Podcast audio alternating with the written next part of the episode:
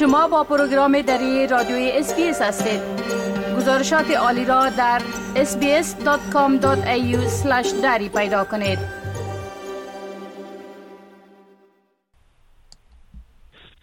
شنونده های عزیز و حال با همکار ما آقای جاوید روستاپور خبرنگار برنامه دری SBS بر جنوب آسیا صحبت می کنیم که ایشان در مورد آخرین تحولات در افغانستان گزارش خواهد دادن. آقای روستاپور سلام خدمت شما. در آغاز می خوایم بپرسم که گزارشات روی دست است که یک مرد در تخار چهار تن از اعضای خانوادهش کشته و ایده هم زخمی ساخته. دلیل این حادثه چی است؟ با سلام وقتی شما بخیر خانم تصمیم. بله همان گونه که شما اشاره کردین مسئولان محلی طالبان در اولت تخار در شمال شرق افغانستان گفتند که مردی در این ولایت نامزد مادر نامزادش و دو کودک را به قتل رسانده و چهار تا پنج تن دیگر را زخمی ساخته. مبین صافی سخنگوی قماندانی امنیه طالبان در تخار گفته که این رویداد در منطقه خسکپه از مربوطات کارت اکبرخان شهر طالقان رخ داده و به گفته او در پی رویداد این فرد و سه تن دیگر به شمول زنان کودکان و یک خانم هم زخم برداشته. طالبان گفتند که فرد متهم عبدالستار نام دارد و پس از تیرباران اعضای خانواده خانوادهش از ساحه فرار کرده ولی نیروهای طالبان به دنبال از که تا این فرد را بازداشت کنند تا کنون انگیزه وقوع رویداد مشخص نشده اما منابع گفتند که دلیلی این وقوع عصبانیت و مشکلات روحی بوده که این مسئله سبب شده که این فرد بالای اعضای خانواده و نزدیکانش شلیک کنه. این در حالی است که از چند ماه به سو آمار خشونت های خانوادگی و قتل زنان در افغانستان افزایش را نشان می دهد در تازه ترین مورد سه روز پیش هم دو زن از سوی همسرانشان در کاپسا به قتل رسیدن و همچنان یک زن دیگر در اولت فاریاب نیز خودکشی کرد. بر بنیاد گزارش ها یا که از منابع محلی به ویژه شفاخانه ها به دست رسیده بیشتر افراد به مشکلات روحی و روانی پس از تسلط طالبان به افغانستان اینا مواجه شدن و همچنان این مسئله مشکلات روحی روانی سبب شده که روزانه حادثات ترافیکی در ولایات مختلف افغانستان حتی تا هشت تا ده برابر نسبت به دو سال پیش افزایش پیدا کند که این تلفات رویدادهای ترافیکی هم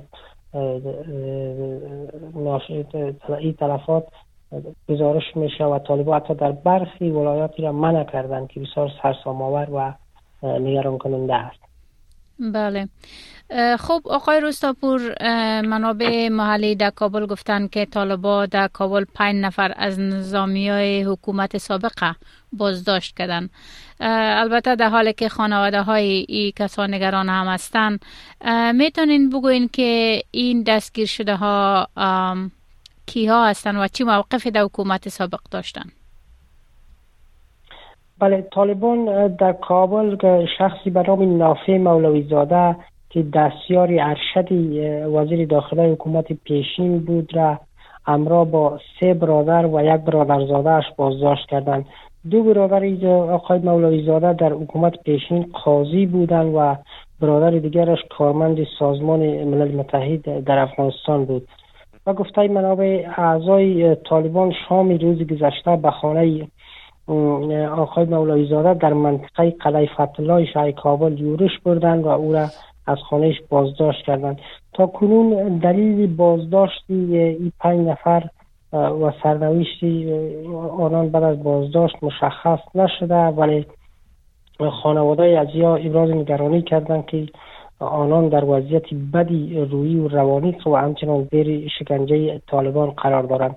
این در حال است که منابع محلی در ولایت لغمان هم گفتند که طالبان دو نظامی پیشین را در ولسوالی دولت شاهی ولایت کشتن و دو تن دیگر را بازداشت کردند. این افراد دادی خان و جاوید نام داشتند و پس از تسلط طالبان بر افغانستان فعالیت نظامی و وظیفه نداشتند. طالبان از زمان تسلطشان بر افغانستان بارها متهم به قتل شکنجه و بازداشت فراقانونی نظامیان پیشین شدند که به اساس یک گزارش که یونما نشر کرد چندی پیش 800 مورد قتل فراقانونی و همچنان محاکمه صحرایی طالبان را در گزارش خود یونما درج کردند که مسئله نگرانی عمیق جهان را برانگیخت ولی تا کنون ده ها تن از نظامیان پیشین که در بازداشتگاه یا زندان های طالبان به سر می‌برند خانوادهایشان از اونها خبری ندارند و گفته می‌شد که شماری از این زندانیان زیر شکنجه طالبان جان باختند بله. و همچنان منابع محلی در غور گفتند که طالبا در دو گروه مختلف مقابل هم در در میانشان درگیری صورت گرفت.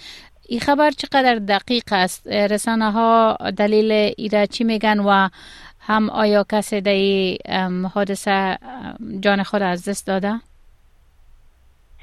بله منابع محلی رسانه های محلی بلق از منابع در ولایت غور از وقوع درگیری میان گروهی میان طالبان در ولایت خبر دادن گفته می‌شد که این درگیری شام روز گذشته میان دو, گروه از طالبان که دو, دو قماندان طالبان با هم درگیر شدند و دلیلش هم گفته می‌شد که عمدتا طالبان پشتون تبار با طالبانی که ازبک و تاجیک بودند در نزدیکی قماندانی امنیه نخست با هم قماندان های از یا گفتگوی لفظی می‌کردن و این گفتگوی لفظی سبب درگیری می‌شد که به گفته منابع تقریبا بیشتر از یک ساعت اینا با هم آتش گشودن برای یکدیگر. گفته می‌شد که در درگیری تلفاتی از دو طرف به میان آمده به دلیل از اینکه پس از پایان درگیری آمبولانس ها به ساحه رفتن و حتی به شفاخانه ها چندین امبولانس رفت آمد کردن به شفاخانه مرکزی ولایت غور ولی به دلیل از اینکه طالبا رسانه ها و افراد را نزدیک محل نگذاشتن تا کنون آمار تلفات مشخص نیست که چی تعدادی به این درگیری کشته شده. درگیری میانگروی میان طالبان در دو سال گذشته بارها در چندین ولایت اتفاق افتاده. که سبب کشته شدن از دو طرف شده. چندی پیش در ولسوالی بارک ولایت تخار دو قماندان طالبان با هم درگیر شدند که هشت نفر از دو طرف تلفات برداشت. عمدتا درگیری های خودی طالبان یا بر سر تقسیم منافع و غنیمتی است که اینا می‌گیرن. عمدتا در بخش معادن که هر جایی که کار می‌کنن قماندان های طالبان تلاش دارن که معادن را منابع زیرزمینی را به خود بگیرن. این مسئله درگیر میشه و موضوع و این مسئله سبب درگیری میشه. و موضوع دوم هم موضوع مسئله قومی است که عمدتا یا قماندان ها و سربازای طالبان با هم بر سر مسائل قومی یا مشاجره لفظی می‌کنن که منجر به درگیری و درگیری و تلفات از دو طرف شده که تا کنون در اولت های مختلف اتفاق افتاده.